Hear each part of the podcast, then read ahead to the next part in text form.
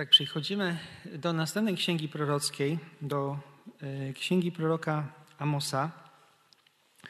E, w tym naszym takim cyklu przyglądania się księgom prorockim.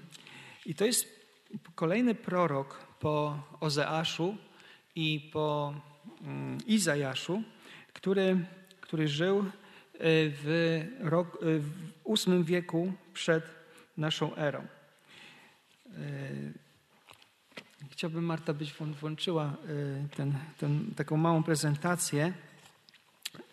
E, tam będą, tutaj ten pierwszy slajd, on pokazuje lata, lata kiedy, kiedy prorok Amos zwiastował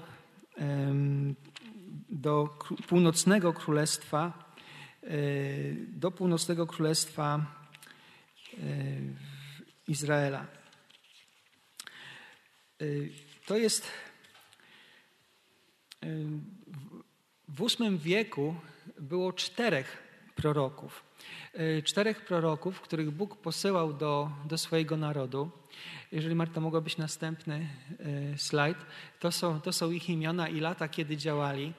I zauważcie, że y, można by powiedzieć, że właściwie ci czterej prorocy zwiastowali ponad 70 lat do tego narodu. I y, oni zwiastowali mniej więcej o tym samym, dlatego że to był ten sam wiek, ten sam moment czasu, to samo zachowanie. Każdy z tych proroków widział. Y, nieco trochę różniły się akcenty, na co zwracali uwagę. Natomiast, natomiast jakby przesłanie ich wszystkich było takie, z którym przychodzili do narodu południowego królestwa Judy, i do północnego królestwa Izraela, e, tam gdzie jest stolica Samaria, przychodzili z takim wezwaniem do tego, żeby naród izraelski porzucił bałwochwalstwo. Bo wtedy w VIII wieku przed, przed naszą erą e, było bardzo rozpowszechnione bałwochwalstwo. Mówiliśmy o tym już, kiedy, kiedy e, omawialiśmy księgę Ozeasza. Mówiliśmy też o tym przy okazji omawiania księgi Ozeasza i Izajasza, I teraz e, troszeczkę z innej perspektywy, też z trochę z innym akcentem, będziemy patrzeć na przesłanie, które ma e, prorok Amos do swojego narodu i też do nas również. Wtedy, w tym czasie, w tym VIII wieku, zarówno Królestwo Południowe Judy, jak i Królestwo Północne były, były królestwami, które miały się dobrze generalnie. W tym czasie, kiedy Amos e, zwiastuje w królestwie południowym, e, panuje Ozjasz i on jest mądrym królem, który umacnia e, wiele, wiele miast, wiele twierdz buduje czy umacnia, swoją armię też powiększa. Ma zwycięstwa z okolicznymi wrogami. On w podbił Filistynów, Amonitów i Edomitów i, i też odstraszał swoją armią Egipcjan. Natomiast król, Królestwo Północne rządzone było przez Jeroboama II. To był taki król, który rządził w tym królestwie e, od 40 lat. 40 lat od 793 roku do 752 albo trzeciego. I y, to był król, który, y, który kontynuował tę drogę, którą Królestwo Północne poszło od samego początku.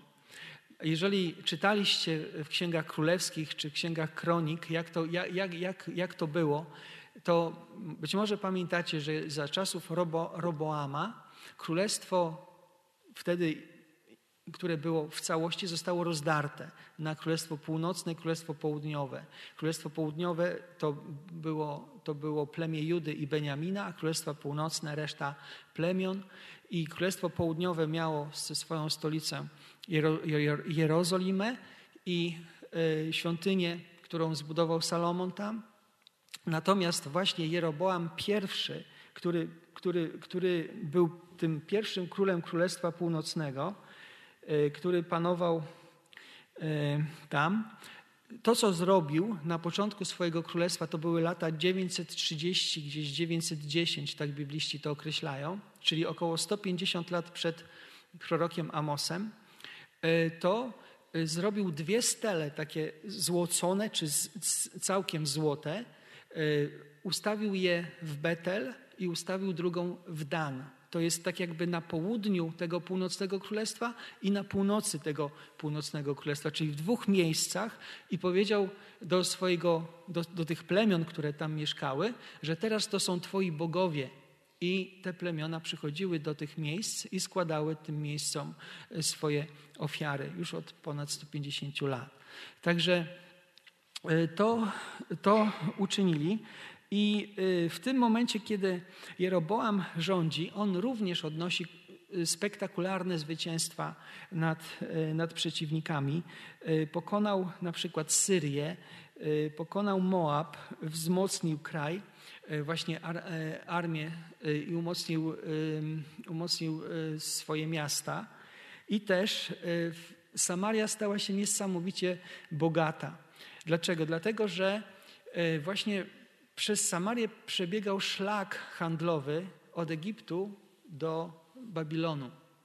Yy, dlatego, że trzeba było iść tak bardzo od Egiptu bardzo na północ, żeby ominąć góry, które nie były wtedy do przejścia i dojść do Babilonu.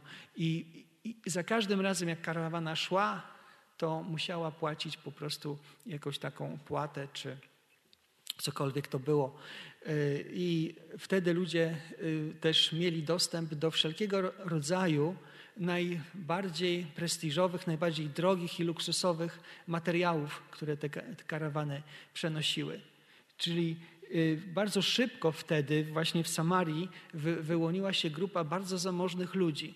Zamożnych ludzi, którzy mieli wystawne domy i to takie bogactwo, które, którego my trudność mamy, żeby to sobie wyobrazić, dlatego że tam na przykład y, właśnie w księdze Amosa y, jest, y, są słowa, które Amos kieruje do nich, że oni się wylegują na przykład z, na łożach z kości słoniowej i hebanu. I, I to są, kość słoniowa dzisiaj jest w ogóle zabroniona, żeby, żeby pozyskiwać, bo, bo słonie są pod ochroną, natomiast była ogromnie kosztowna. I, i, I ci ludzie mieli wszystkiego tego, co było najdroższe, pod dostatkiem. Złoto, olejki, y, wytworne dywany, właśnie kość słoniowa, marmury w domach. Y, wszystko mieli i jednocześnie z tym wszystkim, co mieli, byli ludźmi, którzy odstęp, odstępowali coraz dalej od Boga. W tym swoim bogactwie, w tym swoim takim E, po prostu bogaceniu się, ucztowali też, e, jedli najbardziej wykwintne e, potrawy, oczywiście te wyborne wina. I to wszystko, wszystko tam miało miejsce, czyli było takie ogólne poczucie bezpieczeństwa i prosperity, jeżeli można by tak powiedzieć. Natomiast w tym momencie, kiedy Amos tam przychodzi, przychodzi jako taki, który wieści im problemy, który wieści im zagładę i właśnie to jest to poselstwo, które oni wtedy nie chcieli słuchać.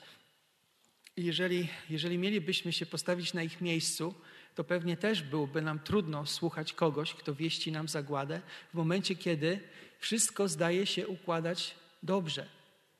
Jest, jest pokój, jest zasobność, jest wszystko, co, czego można by sobie zażyczyć, a tu przychodzi ktoś i mówi: czekacie zagłada. I teraz, y, co jeszcze trzeba wiedzieć? Dlaczego się oni y, wzbogacili? No, Kanaan, jeżeli, jeżeli byśmy tak popatrzyli historycznie, y, ludzie, którzy tam mieszkali, właśnie dlatego, że to miejsce jest tak jakby na styku trzech kontynentów Azji Mniejszej, Afryki i, i Europy, powiedzmy tak, to E, to jest to miejsce, które od, od najdawniejszych czasów było miejscem po prostu handlu. Nawet do tego stopnia, że słowo Kanaan, które dosłownie y, można tłumaczyć czy szukać takiego źródłosłowu jako tam kwiat, jako kraj purpury, to y, zdobyło takie swoje znaczenie jako sprzedawca albo handlarz. Czyli Kananita można było wtedy rozumieć, że jest po prostu to handla, handlarz. A Samaria właśnie była na miejscu w kraju Kananitów i tam, tam po prostu od dawien dawna ludzie handlowali.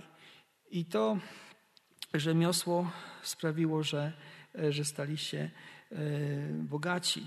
Amos natomiast, jeżeli teraz przejdziemy do, do proroka, Amos znaczy ciężar. Ciężar albo, albo ból.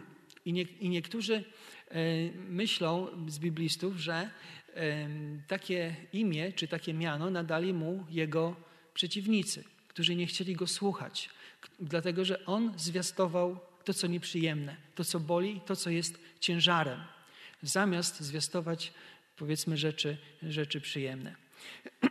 I on był, on był, tak jak tutaj na początku samym yy, czytamy, wywodził się z pośród pasterzy z Tekoa.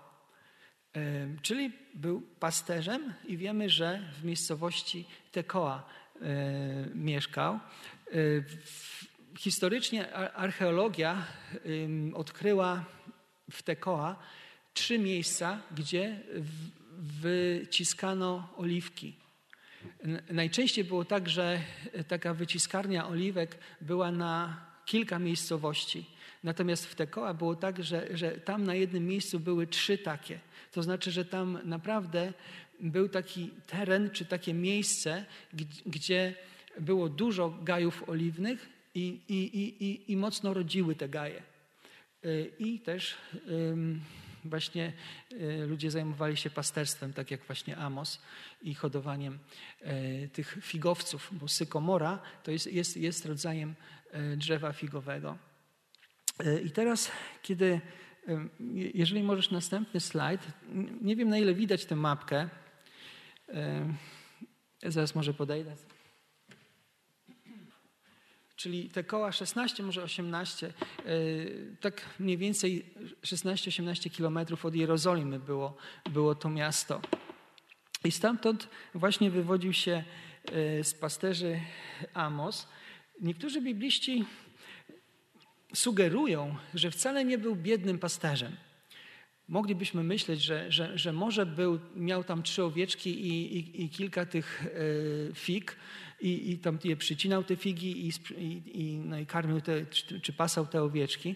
Natomiast niektórzy sugerują, że dlatego, że wiedział, jak wyglądają domy bogaczy, dlatego, że wiedział, jakie kraje otaczają, co w nich jest, co te kraje zrobiły kiedyś w przyszłości, to był człowiekiem majętnym, miał duże stada owiec i handlował na dużą skalę tymi, tymi, tymi stadami.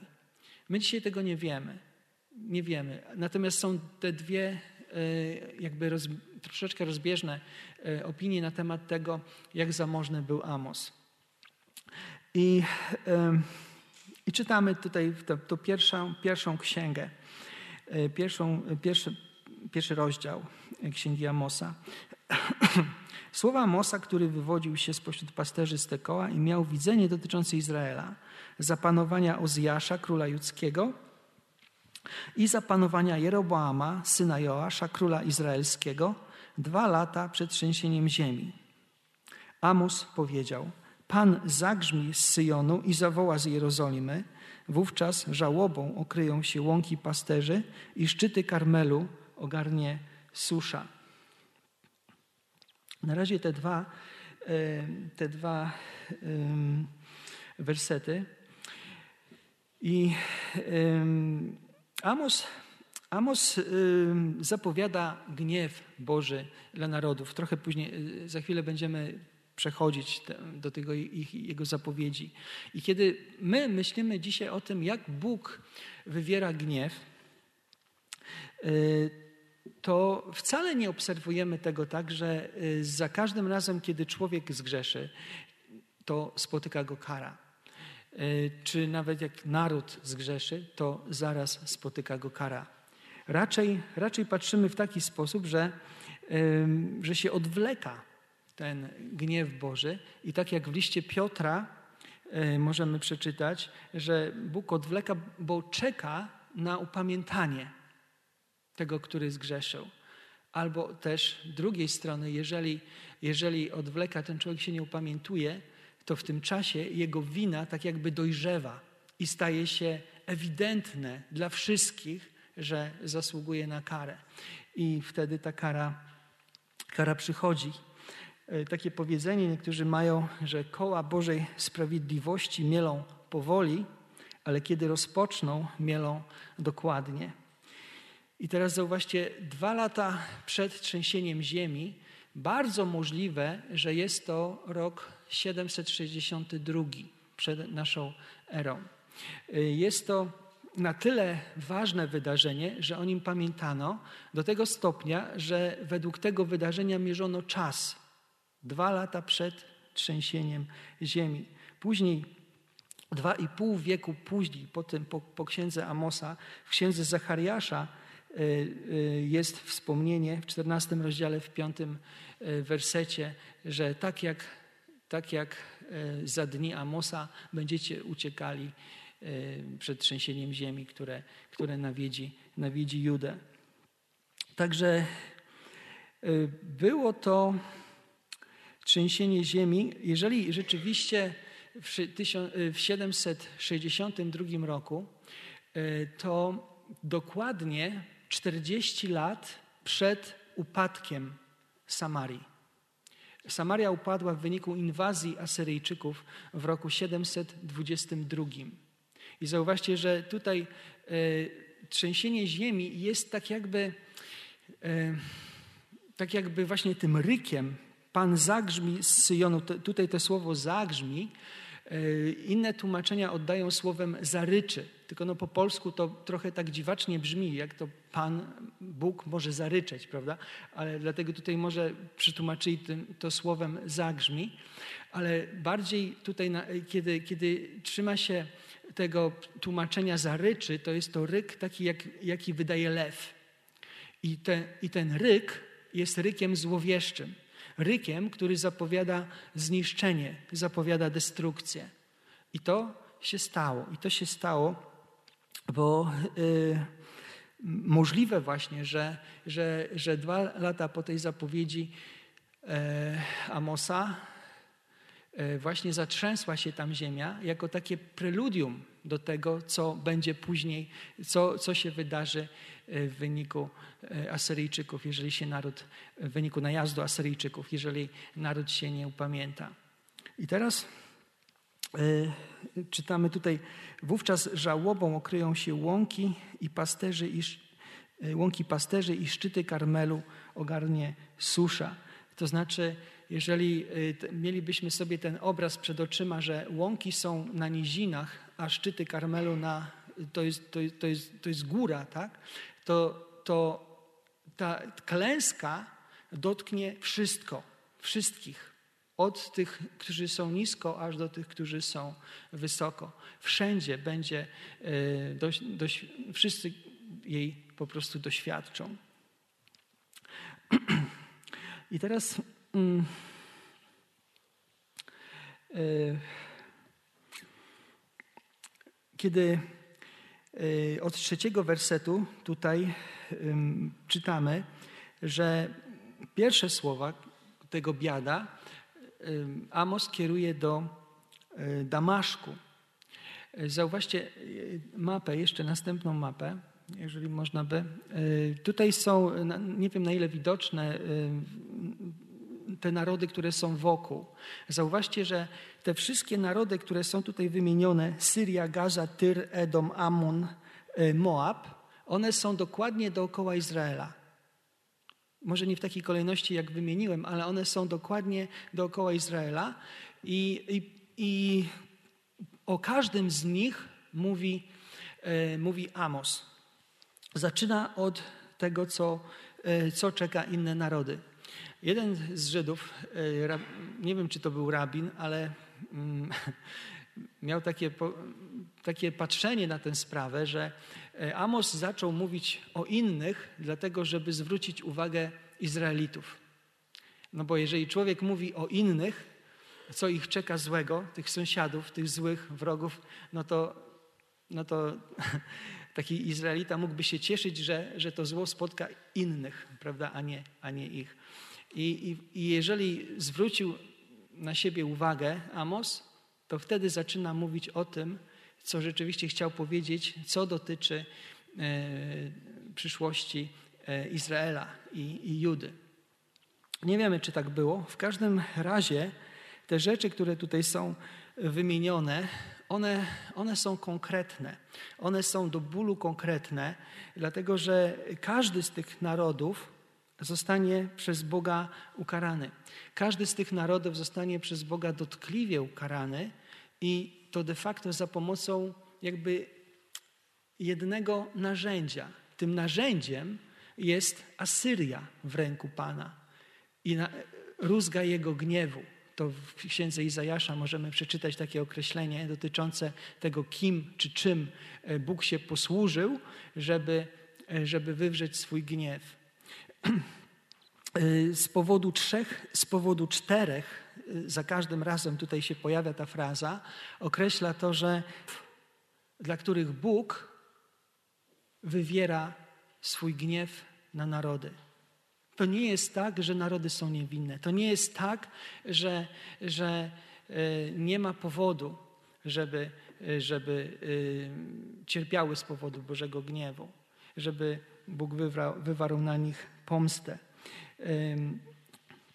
Okrucieństwo Syrii w wojnie z Gileadem, tutaj na początku jest mowa z powodu trzech zbrodni Damaszku. Damaszek był stolicą Syrii E, nie, e, i powodu czterech nie cofnę kary, ponieważ mucili Gilead żelaznymi saniami. Pośle ogień do domu Hazaela i pochłonie pałace Ben-Hadada. Połamie rygle bram Damaszku, wytępie mieszkańców Bikat Awen i zabije tego, który dzierży berło Bet Eden, a lud Aramu zostanie uprowadzony do Kir, powiedział Pan. I zauważcie, że tutaj, e, tutaj nie, nie ma szczegółów tego za co, ale jakbyśmy historię bardzo drobiazgowo badali, to byśmy być może odkryli, i tak jest właśnie w, w przypadku Syrii i, i tych innych narodów, że rzeczy sięgają kilkudziesięciu lat wstecz. Były wojny, były, były takie wojny, że Izraelici przegrywali i byli sprzedawani na przykład, byli poniżani przez te e, ościenne narody. I teraz Bóg z słowami Amosa zapowiada, że to, co te narody zrobiły kilkadziesiąt lat temu, zostanie pomszczone. Tak właśnie ma się sprawa tutaj e, z Gileadem, dlatego że około 50 lat wcześniej, 50 lat wcześniej, e, w czasie którychś tam wojen, właśnie rozjeżdżali końmi z powozami, e, znaczy jadąc takimi powozami, które ciągnęły konie, rozjeżdżali jeńców e, tymi, tymi powozami. I, I przy okazji jeszcze mieli takie, mieli takie wozy, które miały jakieś, jakieś, jakiegoś rodzaju mechanizm takich ostrzy przy tych, przy tych, e, przy tych wozach, które kiedy jechały i, i były blisko ludzi, to, to przecinały tych ludzi. I to, to było bardzo okrutne i, i Bóg to widzi i Bóg to pomści. Potem, potem czytamy, tak mówi Pan, z powodu trzech zbrodni gazy i z powodu czterech nie cofnę, nie cofnę kary, ponieważ uprowadzili całą ludność, aby wyda, ją wydać Edomowi. Ześlę ogień na mury gazy i pochłonie jej pałace Wytępię mieszkańców Ażdodu i zabiję tego, który dzierży berło Aszkelonu. Następnie zwrócę moją rękę przeciw Ekronowi i zginie reszta Filistynów, powiedział Pan Bóg. Filistyni, tutaj właśnie ten naród Filistynów, te, te miasta, które tutaj są wymienione, są ich miastami, byli tymi, którzy w jednej z wojen właśnie wzięli w niewolę E, wzięli w niewolę Izraelitów, tak jakby ogołocili kraj Izraelitów z Izraelitów, bo ta fraza hebrajska tak właśnie mówi, że uczynili gołym ten kraj. I mając tych jeńców, po prostu ich sprzedali. Sprzedali i to sprzedali ich Edomowi. A Edom, jak pamiętacie, to, są, to, są, to jest naród, który wywodzi się z Ezawa. Jakub i Ezaf byli braćmi rodzonymi bliźniakami e, z tego samego ojca, z, tego, z tej samej matki Izaaka i, i Rebeki. I po prawie tysiącu lat to Edom i Izraelici byli do siebie bardzo wrogo nastawieni. Mieli bardzo wiele różnych sytuacji wojennych, e, okrutnych e, rzeczy. I tutaj Filistyńczycy, kiedy, kiedy mieli tych jeńców, właśnie sprzedali ich Edomowi, a Edom, Edom ich bardzo, bardzo źle potraktował. Bóg to widzi. Bóg to widzi. Bóg, Bóg e, nie, jest, nie jest obojętny na to, co narody robią. E, następna rzecz, Fenicja, to, są, to jest Tyr. Tyr i te miasta, które tam są nad, nad morzem, Tyr był bardzo znany, bardzo też bogaty ze swojego handlu drogą morską. To był wielki port i bardzo wiele towarów przypływało z różnych stron świata właśnie do Tyru i z Tyru się rozchodziły dalej. I kiedy tutaj e, mamy to znowu jest, y, czytamy tak, tak mówi Pan z powodu trzech zbrodni Tyru, z powodu czterech nie cofnę karę, ponieważ wydali Edomowi wszystkich uprowadzonych i nie pamiętali o braterskim przymierzu. Ześlę ogień na mury Tyru i pochłonie jego pałace. O jakim braterskim przymierzu nie pamiętali? Kiedy Dawid budował swój pałac, podpisał z Hiramem, królem Tyru, umowę na dostawę drewna cedrowego. I, i, I oni byli w bardzo bliskich, bardzo serdecznych, zdaje się, właśnie relacjach. To było niecałe 200 lat wcześniej. E, później, kiedy Salomon budował świątynię e, pańską, też właśnie Tyr pomagał temu. A teraz się okazuje, że Tyr jak mógł, to sprzedał z zyskiem jeńców, których być może wcześniej odkupił od Filistyńczyków i sprzedał ich dalej i nie pamiętał o braterskim przymierzu. Także y, Edom, później jest zapowiedź, co się stanie z Edomitami.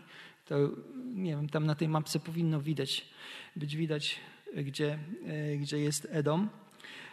Ścigał swego brata mieczem albo tak mówi Pan z powodu trzech zbrodni Edomu, z powodu czterech nie cofnę kary, gdyż ścigał mieczem swojego brata i tłumił w sobie litość. Wciąż pałał gniewem i do końca trwał w swojej zapalczywości.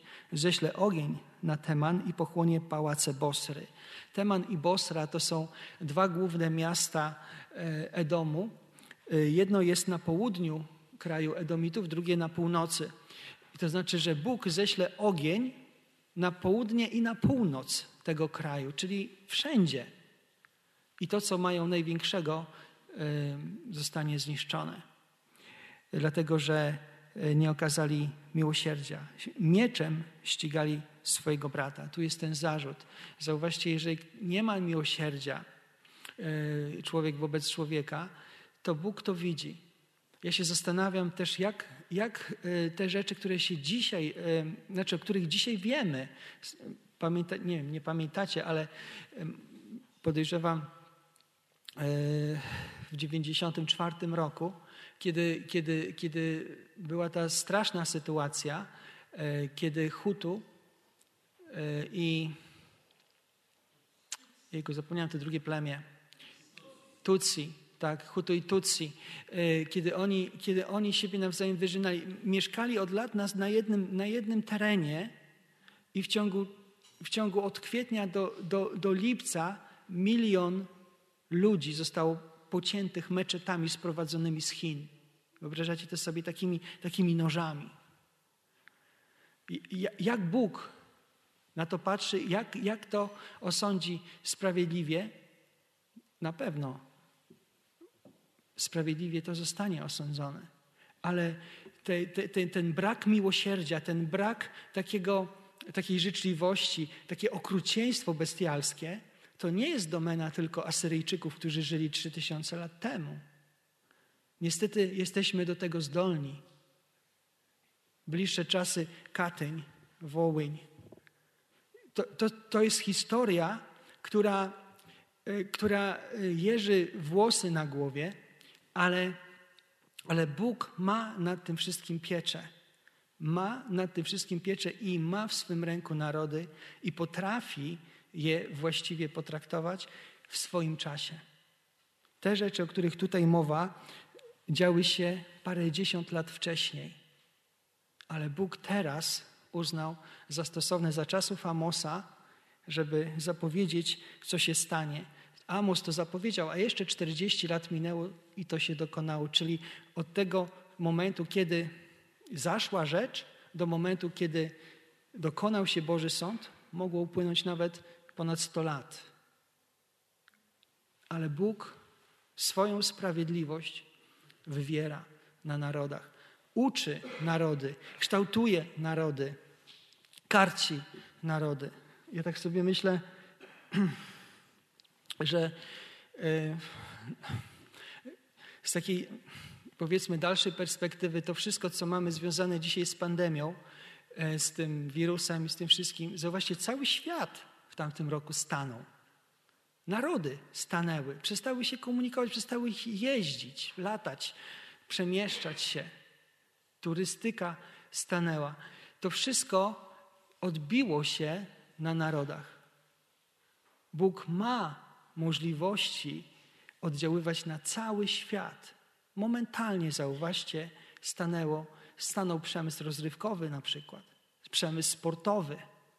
To wszystko, czym ludzie się tak ekscytują, chełpią, e, co tak bardzo lubią, ale w momencie, kiedy, kiedy przychodzi ten Boży młyn, zaczyna mielić, to już miele dokładnie. Amonici i Moab e, w podobny sposób są tutaj opisani. Tutaj Amonici to, to jest teren dzisiejszej Jordanii, Amman, stolica Jordanii dzisiejsza i, i teraz mm, z powodu czterech nie cofnę kary, ponieważ w Gileadzie rozcinali kobiety w ciąży, aby rozszerzyć swoje granice. Tak bardzo chcieli mieć przestrzeń do życia, że posunęli się do najgorszych wojennych zbrodni, y, łącznie z rozcinaniem brzuchów brzemiennych kobiet. I to Bóg widzi. I to Bóg osądza. Jej na murach Rabby to jest stolica i pochłonie jej pałace. Na nic się to zda, bo to wszystko stracą, co zdobyli swoim okrucieństwem. Król pójdzie na wygnanie wraz z księżętami. No i Moabici jako ostatni z powodu trzech zbrodni Moabu, z powodu czterech nie cofnę kary, ponieważ spalił kości króla Edomu na wapno, ześlę ogień na Moab i pochłonie pałace Keriotu. Moab zginie wśród wrzawy, pośród krzyku i głosu trąby, zabije ich władcę i wraz z nim wszystkich jego książąt, powiedział Pan. Tu jest, tu jest taka też w tle tragiczna historia, bo była wojna między Moabitami a Y, wtedy był taki czas, że y, Edomici sprzymierzyli się z, z Judejczykami przeciwko Moabitom. I Moabici byli tak jakby w potrzasku i chcieli przełamać linię Edomitów, ale nie udało im się to. Y, I wtedy, w takiej desperacji swojej, król Moabu złożył w ofierze swojego syna bożkowi, E, Moabitów Kemoszowi. I wtedy e, ludzie odstąpili, ci, którzy się dowiedzieli, te wojska, które się dowiedziały Edomitów i, i Judejczyków, po prostu jakby zdruzgotane tym, tym, tym czynem, tym, jakby zgorszone tym czynem, po prostu przestały, przestały walczyć, odstąpiły od walki. I potem, e, potem jest taka spekulacja, że Moabici tak bardzo nienawidzili Edomitów, ten król który z takiego żalu, z takiej złości, do, że, że, że musiał swojego syna złożyć w ofierze, pałał nienawiścią do Edomitów, że e, w kolejnej wojnie, kiedy najechał Edomitów, e, wygrzebał kości króla Edomitów i je spalił. I to było to, są, to, to były dziwne czasy, może inne niż my dzisiaj y, przeżywamy. Natomiast, natomiast y, wszystkie te sytuacje ilustrują to, że Bóg widzi narody. Bóg je kształtuje, Bóg nimi kieruje i Bóg wywiera na nie swój gniew, kiedy chce, kiedy uzna za stosowne, kiedy, kiedy nadejdzie ta chwila. Jest królem, jest sędzią. I to, co yy, powinniśmy pamiętać, to to, że Boży gniew jest pewną rzeczywistością. Jest rzeczywistością w naszym doświadczeniu. Możemy, możemy w jakiś sposób być w tym miejscu, kiedy, kiedy zgrzeszyliśmy, nie spotkało nas nic złego, ale Bóg czeka na to, żeby się upamiętać. Albo zgrzeszyliśmy, nie spotkało nas nic złego, uznaliśmy to za dobrą monetę, dalej grzeszymy i nasz, nasz grzech dojrzewa do tego, żeby stać się jawnym, oczywistym i zasługującym na, na gniew i na karę. I może to służyć jako, jako ostrzeżenie, jako wezwanie do pokuty, jako, jako taki kubeł zimnej wody, który przypomina, że Bóg widzi narody, Bóg widzi każdego z nas i że nie powinniśmy lekko traktować Jego łaski, Jego cierpliwości, bo, mm, bo, bo, to, bo, to, bo, bo to nie jest zabawa. Zauważcie, że w Nowym Testamencie, kiedy, y, kiedy apostoł Paweł pisze jeden ze swoich takich bardziej pogodnych listów, takich nacechowanych radością z wiary y, ludzi, do których pisze, list do Tesaloniczan.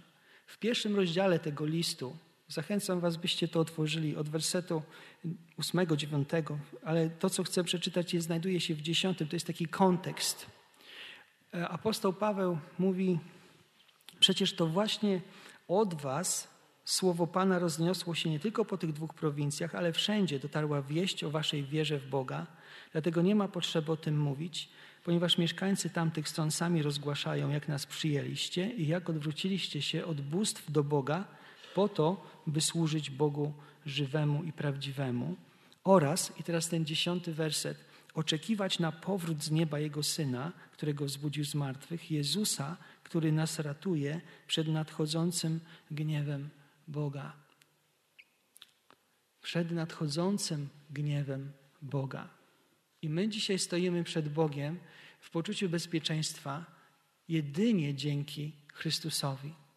Bo jeżeli Bóg by wejrzał na nasze czyny z naszych lat, to bylibyśmy jak te narody, które są opisane w księdze Amosa. I Chrystus dla nas jest dzisiaj nadzieją. Chrystus dla nas jest podstawą naszego zbawienia. Nie powinniśmy tego zapominać. I Chrystus jest tym, który nas chroni przed Bogiem, przed Jego gniewem, który w którymś momencie przyjdzie i spadnie na wszystkich, którzy odrzucili Jego Syna, którzy pogardzili Jego Synem, którzy powiedzieli, nie miałem czasu w swoim życiu dla Twojego Syna. A co mi On obchodzi? Nadejdzie moment, że Bóg nawiedzi tych ludzi, tak jak nawiedził te narody, których opisał Amos. I mam nadzieję, że każdy z nas, jakby będąc w Chrystusie, będzie bezpieczny. Będzie bezpieczny przed nadchodzącym Bożym gniewem.